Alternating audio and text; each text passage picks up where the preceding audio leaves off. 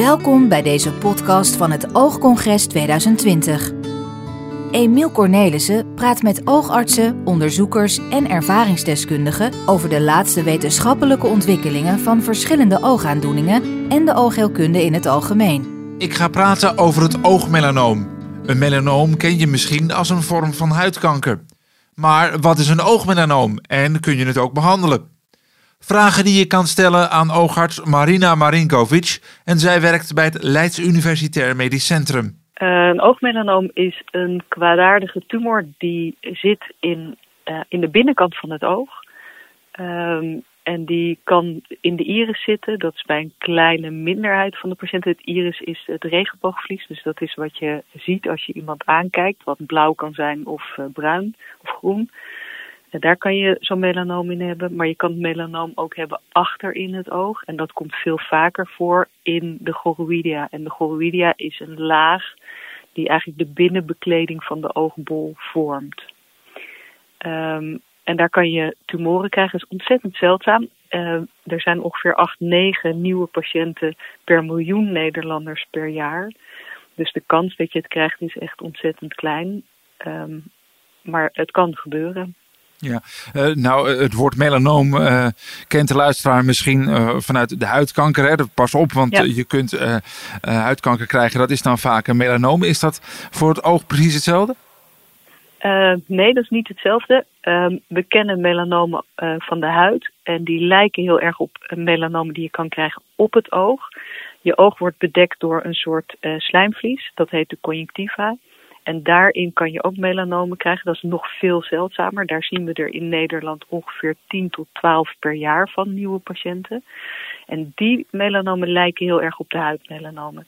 De melanomen die in het oog zitten, en dat noemen we eigenlijk de oogmelanomen, want die zitten in het oog, niet op het oog. Die melanomen in het oog, die lijken eigenlijk helemaal niet op de huidmelanomen. Uh, je kan van tumoren, dus ook van melanomen, kan je de genetica bekijken. Dat is zeg maar de, ja, de opbouw van het weefsel. Um, en die genetica, die opbouw van het weefsel, die ziet er heel anders uit voor huidmelanomen uh, en voor oogmelanomen. En dat heeft ook consequenties voor de behandeling. Ja, nou die, die behandeling gaan we het uh, zeker nog even over hebben. Maar uh, uh, bij huidkanker zeggen we natuurlijk altijd, hè, smeer je in, zonnebril op.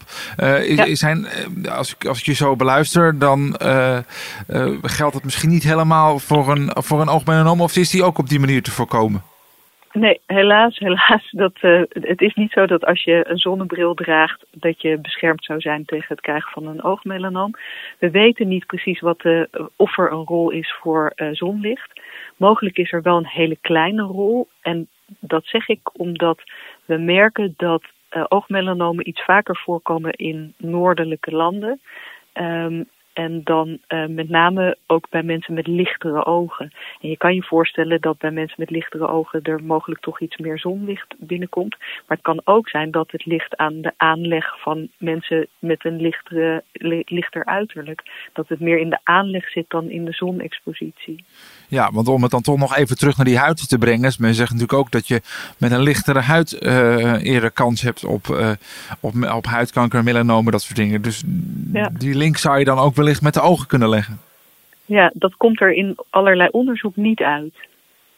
Oké, okay, dus, dus, dus, het is niet zo dat, dat, we, dat we mensen die bij ons komen met een oogmelanoom bijvoorbeeld aanraden om uit de zon te blijven om het andere oog te beschermen. Zo werkt het niet. Um, en eigenlijk is er geen harde reden om mensen zeg maar, voor het oog aan te raden um, om uit de zon te blijven, omdat ze anders een hogere kans zouden krijgen op een oogmelanoom. Okay. Daar is gewoon echt geen harde aanwijzing voor. Er is geen onderzoek die dat uit zou wijzen. Nee, precies. Nee, nee. oké. Okay. Um, maar dan is de vraag: uh, is er helemaal niks bekend dan echt hoe mensen eraan kunnen komen? Of kan dat nee. ontstaan? Of uh, erfelijkheid? Ik noem nu maar een paar uh, punten. Nou, dat is een hele interessante. Het is zo dat. Um, voor het gros van de patiënten weten we niet waarom ze een oogmelanoom krijgen. Er is een hele kleine groep patiënten bij wie er inderdaad een genetische aanleg speelt. Um, dat zijn mensen die uh, um, een afwijking hebben, een kiembaanmutatie noem je dat. Een afwijking in hun eigen genetische informatie in het hele lichaam.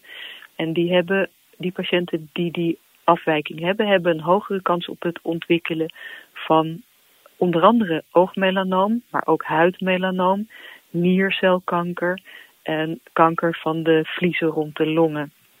En dat noem je uh, een BAP-mutatie. Die BAP-mutatie die zit dan dus in alle cellen van het lichaam. Uh, en dat moet je niet verwarren met een BAP-mutatie die je kan hebben in de cellen van de tumor.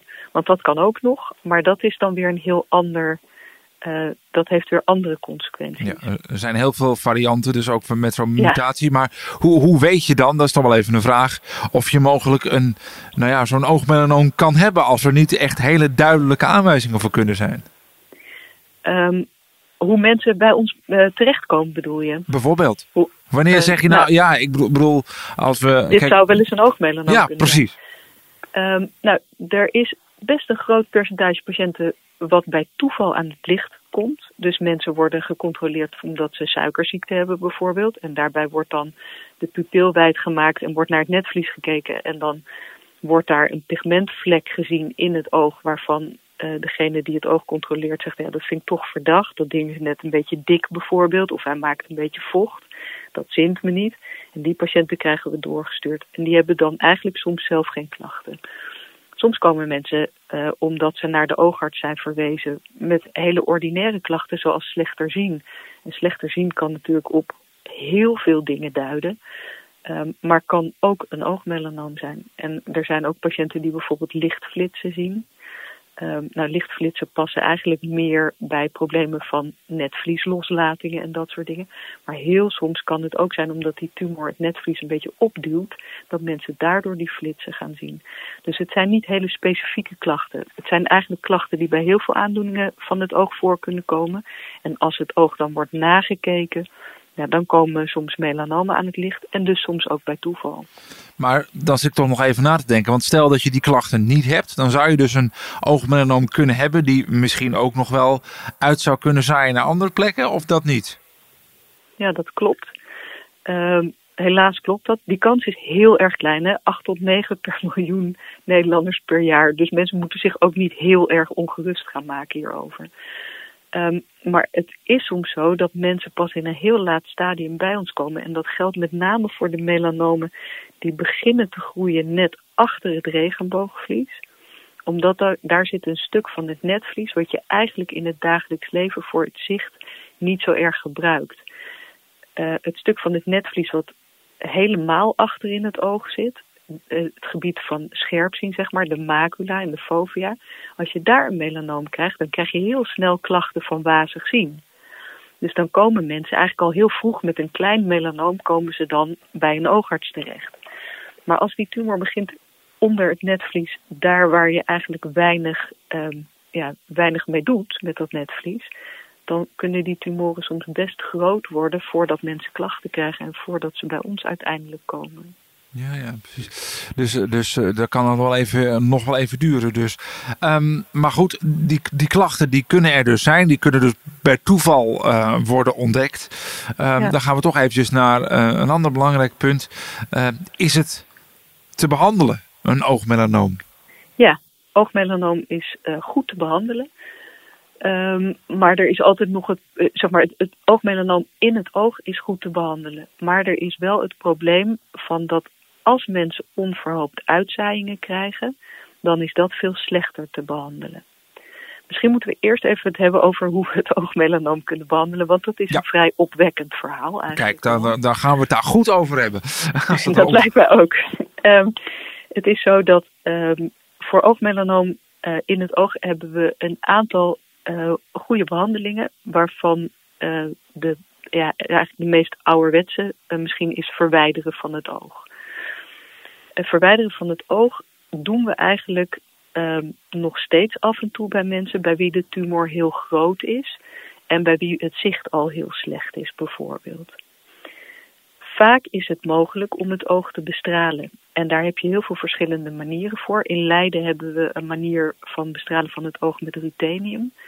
Um, ruthenium brachytherapie noem je dat. En brachytherapie wil zoveel zeggen als dat je um, heel plaatselijk het oog bestraalt. Wat we dan doen is we opereren de patiënt en bij die operatie zetten we buiten op het oog precies op de plek waar zich aan de binnenkant die tumor bevindt, zetten we een bestralingsplaatje. Dat is een soort radioactief geladen muntje, kan je eigenlijk zeggen, waar twee oogjes aan zitten, waar je een hechtingje doorheen kan doen. En dan zet je dat plaatje vast aan het oog, precies op de plek waar die tumor zit. Dan laat je het plaatje een aantal dagen zitten. De radiotherapeut, dus de bestralingsarts, berekent hoe lang dat plaatje moet blijven zitten om die tumor goed een optater te geven. En dan haal je dat plaatje daarna weer weg. Wat je doet met die bestraling is eigenlijk die tumor ja, soort van steriliseren. Zorgen dat die, geen, uh, ja, dat die niet verder kan groeien. En, die, dat, dat, sorry, dat, maar dat bestralen gebeurt ook al tijdens die operatie of juist daarna? Die operatie is puur om het plaatje erop te zetten? Nou, dat plaatje dat geeft zijn straling af. Dat blijft gewoon doorstralen. Dus zolang dat plaatje op het oog zit, wordt de patiënt bestraald. Je hebt bijvoorbeeld ook voor prostaataandoeningen worden er soms radioactief geladen zaadjes uh, ingebracht. En daar kan je het eigenlijk een beetje mee vergelijken. Dat is een iets bekendere vorm van brachytherapie. Maar je bestraalt dus zolang dat plaatje erop zit en dan haal je het plaatje weer weg, dan is de bestraling klaar. En dan moet je de patiënten daarna nog wel vervolgen om te kijken of die tumor ook heel mooi plat wordt de kans dat als je goed de indicatie stelt, dus als je de tumoren kiest die geschikt zijn voor rutheniumbestraling, als je dat dan doet, de kans dat je die tumor onder controle krijgt, die is ergens tussen de 95 en de 98 procent. Dus dat is echt ontzettend goede kans dat je die tumor daarmee adequaat behandelt. Ja, maar onder controle krijgen klinkt dan toch nog een beetje als we moeten het wel goed in de gaten houden, want uh, echt verwijderen kan niet? Um, je kan in theorie een tumor ook chirurgisch verwijderen als je dat bedoelt. Maar dat is eigenlijk voor een minderheid van de patiënten in een oog opereren. Is voor zo'n klein oogje wel een hele grote, ja, is best een grote opgave voor dit soort dingen. Dus als je het kan bestralen is dat eigenlijk heel elegant. Maar ja, je moet natuurlijk wel goed controleren dat die patiënt niet tot die twee tot 4, 5 procent hoort waarbij het niet heeft gewerkt. Nee. nee, maar wat ik eigenlijk ook bedoel is dus dat melanoom is dan weliswaar behandeld en is platter geworden. Maar is mhm. er dan dus nog wel? Je blijft er altijd een litteken van zien. En het duurt bij dit soort tumoren, en dat is heel gek, maar het duurt wel een jaar voordat dat litteken helemaal plat is geworden. Mhm. Dus dat is een beetje anders dan bij sommige andere tumoren. Die oogmelanomen zijn eigenlijk niet zo heel erg gevoelig voor straling dat houdt in dat we vrij hoge doses van die straling moeten geven. En dat houdt ook in dat ze pas heel, dat ze eigenlijk vrij traag, um, wat we noemen in regressie gaan, dus vrij traag plat worden. Het lijkt er wel op dat die tumoren dan al een soort van gesteriliseerd worden, zijn. En dat die cellen na die eerste optater van die bestraling, ook al zijn ze nog niet opgeruimd door het lichaam, dat ze eigenlijk uh, op dat moment geen kwaad meer kunnen. Nee, precies. Want daar gaat het natuurlijk uiteindelijk om, dat ze geen ja. uh, kwaad meer kunnen. Um, om, uh, ja, dat ze geen kwaad meer kunnen, ook niet meer verder kunnen uitzaaien ergens anders heen. Nee, precies. Um, het is wel zo, en dat geldt eigenlijk voor, voor uh, meer um, vormen van kanker, dat ook al is de tumor waar de patiënt zich mee presenteert, dus in dit geval het oogmelanoom, ook al is dat goed behandeld, wordt je kans op uitzaaiingen daarna nooit nul. Hetzelfde bij mensen met borstkanker. Uh, als je die tumor in de borst behandelt en je weet zeker dat dat goed gegaan is, kan je toch in die jaren daarna nog uitzaaiingen krijgen. En zo is het eigenlijk hiermee ook. Hm. Dus controle uh, blijft zeer noodzakelijk controle van de rest van de patiënt om te kijken dat ze geen uitzaaiingen maken, blijft zeker ook hier aan de orde. We blijven mensen tien jaar lang met een echo van de lever volgen. Ja. En dat is één keer per jaar? Uh, elk half jaar. Elk half jaar, dus het is best nog wel uh, intensief om dat goed in de gaten te houden. Ja, zeker. En we hebben, want we hebben het nu gehad over dat je het oog kan verwijderen en over ruthenium. Hm. Maar we hebben uh, ook nog andere behandelingen, waaronder uh, de protonenbehandeling. Dat is een andere vorm van uitwendige bestraling. En die is relatief nieuw. Uh, die doen we voor mensen die tumoren hebben die eigenlijk te groot zijn voor behandeling met ruthenium. Of bij tumoren die vastzitten aan de oogzenuw, want daar kan je met zo'n bestralingsplaatje niet zo goed komen. En bij die mensen is niet alleen dat traject um, van het controleren van die lever, is ja, zoals bij alle patiënten nou, redelijk, dat is toch redelijk intensief. Hè? Je moet twee keer per jaar die echo laten maken. Maar bij die mensen is ook het traject van nazorg, dus het, het controleren van het oog wat intensiever. Hm. Dus mensen zijn niet zomaar van ons af. Nee, precies. Eh, het gaat, het gaat om wel even. En het blijft ook nodig natuurlijk om die controles uh, uit, te, uit te blijven voeren. Zodat we zeker weten dat het niet uh, op welke manier dan ook weer terugkomt. Want dat kan natuurlijk ook nog. Hè, want in het voorgesprekje hebben we het er ook nog even over gehad. Dat je, ook al heb je ergens anders een tumor zitten, die nog wel uit zou kunnen zaaien richting het oog. Ja, dat is, weer een heel, dat is weer een heel ander verhaal. Dus dit stuk waar we het net over hebben gehad, ging over mensen met een oogmelanoom en hoe je dat kan behandelen. Nou, dat kan je dus behandelen door het oog te verwijderen of door bestraling te geven. En die oogmelanomen zijn niet zo gevoelig voor bestraling, dus dat is technisch voor ons best een uitdaging. Maar een andere groep patiënten die wij zien zijn mensen die een tumor hebben elders in het lichaam. Bijvoorbeeld van de long, van de darm, van nou ja, noem het allemaal maar op die komen met klachten van het zicht en die blijken een uitzaaiing in het oog te hebben. In het vaatvlies van het oog. Die patiënten zien we ook. Dat zijn er veel meer dan de oogmelanoompatiënten, want dat komt veel vaker voor. En die mensen kan je vaak wel heel goed behandelen met uitwendige bestraling, dus met gewone bestraling, tussen aanhalingstekens in een veel lagere dosis. Dus dat, is een heel ander verhaal. En daarbij zie je ook dat de reactie van die tumor veel sneller is dan bij het oogmelanoom. Daar moet je echt een jaar geduld hebben voordat ze plat worden. Als je een uitzaaiing naar het oog hebt van iets anders, dan, ja, dan is die reactie ook heel anders. Ja, precies. Nou, we hebben nu een aantal uh, behandelingen besproken. Zijn er nog meer waarvan je zegt, nou die moeten we ook zeker nog even noemen? Ja, voor ons is die protonenbehandeling waar ik net al eventjes over had, is, ja, dat, dat is iets waar we de laatste tijd heel erg mee bezig zijn. Vroeger kon je um, voor die grote tumoren twee dingen doen. Of mensen werden behandeld met stereotactische bestraling. Dat is een bestraling van buitenaf. En die, gebeurde tot voor, die gebeurt in Rotterdam, dat doen ze nog steeds. Of patiënten gingen naar Zwitserland om protonenbestraling te krijgen. Wat ook een bestraling is van buitenaf, die vrij nauwkeurig is. Um, sinds kort hebben we ook een protonencentrum in Nederland. Er is een in Groningen en eentje in Delft. En we behandelen nu mensen met die dikkere tumoren in dat protonencentrum in Delft. En dat is voor Nederland wel een hele fijne en ja, ook wel um, ja, fijne en ook interessante ontwikkeling. Het is medisch gezien heel interessant, maar het is voor de patiënten ook heel fijn dat ze niet naar het buitenland hoeven en zich niet in het Duits of in het Frans hoeven te redden. Um, terwijl ze eigenlijk al nou ja, onder de indruk zijn van toch een ernstige aandoening die ze hebben. Precies, dat is in het medische, met medische termen nog in. Is, die zijn in het Nederlands dan moeilijk, laat staan uh, in het Duits of in het Frans, ja, toch? Precies, dus dat is, ja, dat is wel echt een grote winst. En dat is voor ons natuurlijk een heel leuk traject geweest. We hebben daar samengewerkt nou met dat Holland Protonencentrum, zoals dat heet in Delft, het HPTC. Met Erasmus en met de TU in Delft. En dat is gewoon heel leuk om weer wat nieuws op poten te zetten. Daar heb ik echt ontzettend van genoten om dat te doen. Ja, om, om, om die centra echt op te zetten en uh, ervoor te zorgen dat die. Nou ja, dat, dat je het voor de patiënt zo netjes mogelijk regelt. En uh, ja, ik ben daar heel erg gelukkig mee.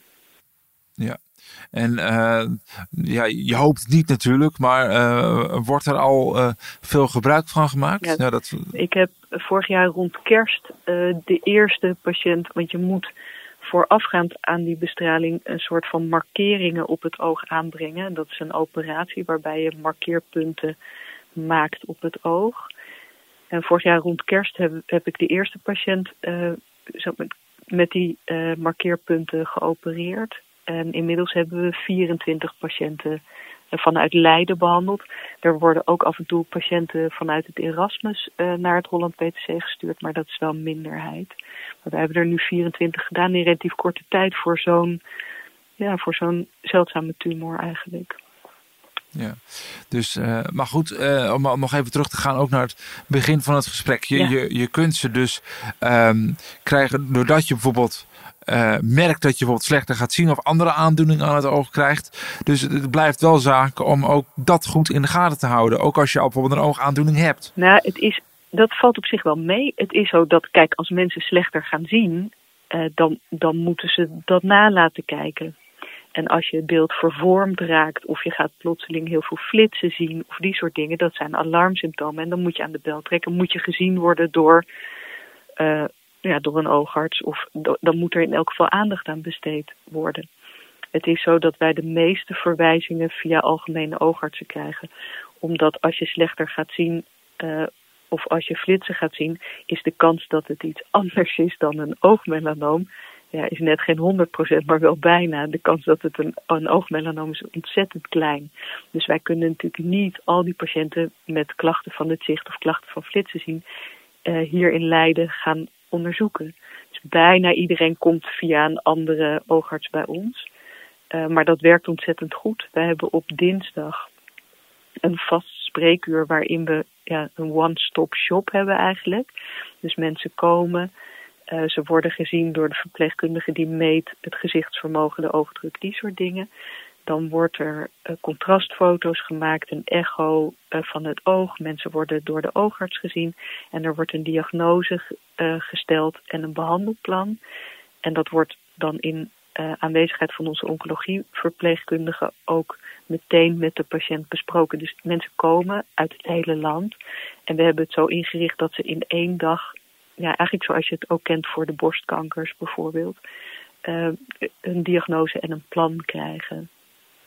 En dat, ja, dat is. Uh, maar dat zijn altijd mensen die verwezen worden door een oogarts. Ja, die zijn verwezen door wat we dan maar even noemen algemene ja, ja. Uh, oogartsen. Dat, die kunnen echt overal, dat kan echt overal ja. zijn. Dat hoeft niet per se een academisch ziekenhuis dus te zijn. Nee, dat klopt. Wij zijn um, altijd heel erg um, druk bezig met op alle congressen uh, te laten zien hoe zo'n oogmelanoom eruit ziet. En uh, we gaan echt best behoorlijk de boer op om te zorgen dat, ondanks dat die tumor zo zeldzaam is, dat, dat ja, onze vakbroeders en zusters toch uh, op de hoogte zijn van hoe je zo'n diagnose stelt en ook hoe ze ons zo snel mogelijk kunnen vinden. Ja, ja, juist omdat hij ook niet zo heel veel voorkomt. Nee, precies. Uh, dus ik vind dat, ook, misschien, dat hoort bij onze ja. taak, vind ik. Dat, uh, ja. Is het ook als oogarts misschien niet het allereerste waar je aan denkt? Als een uh, patiënt bij je komt met nou, ik zie flitsen, dan zou je inderdaad eerder denken aan een netvlies. Iets met het netvlies dan specifiek zo'n oogmelanoom.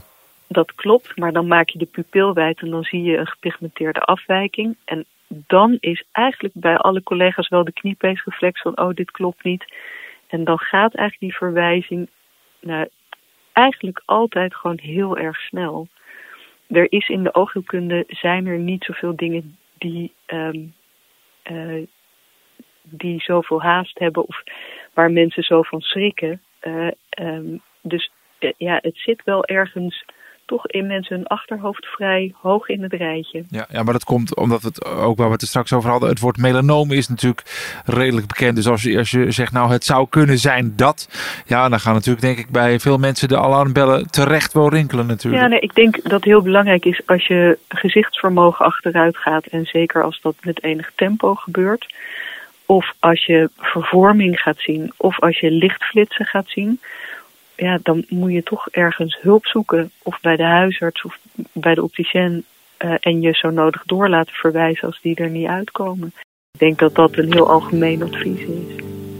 Bedankt voor het luisteren naar deze podcast van het Oogcongres 2020. Voor meer informatie ga naar www.oogcongres.nl.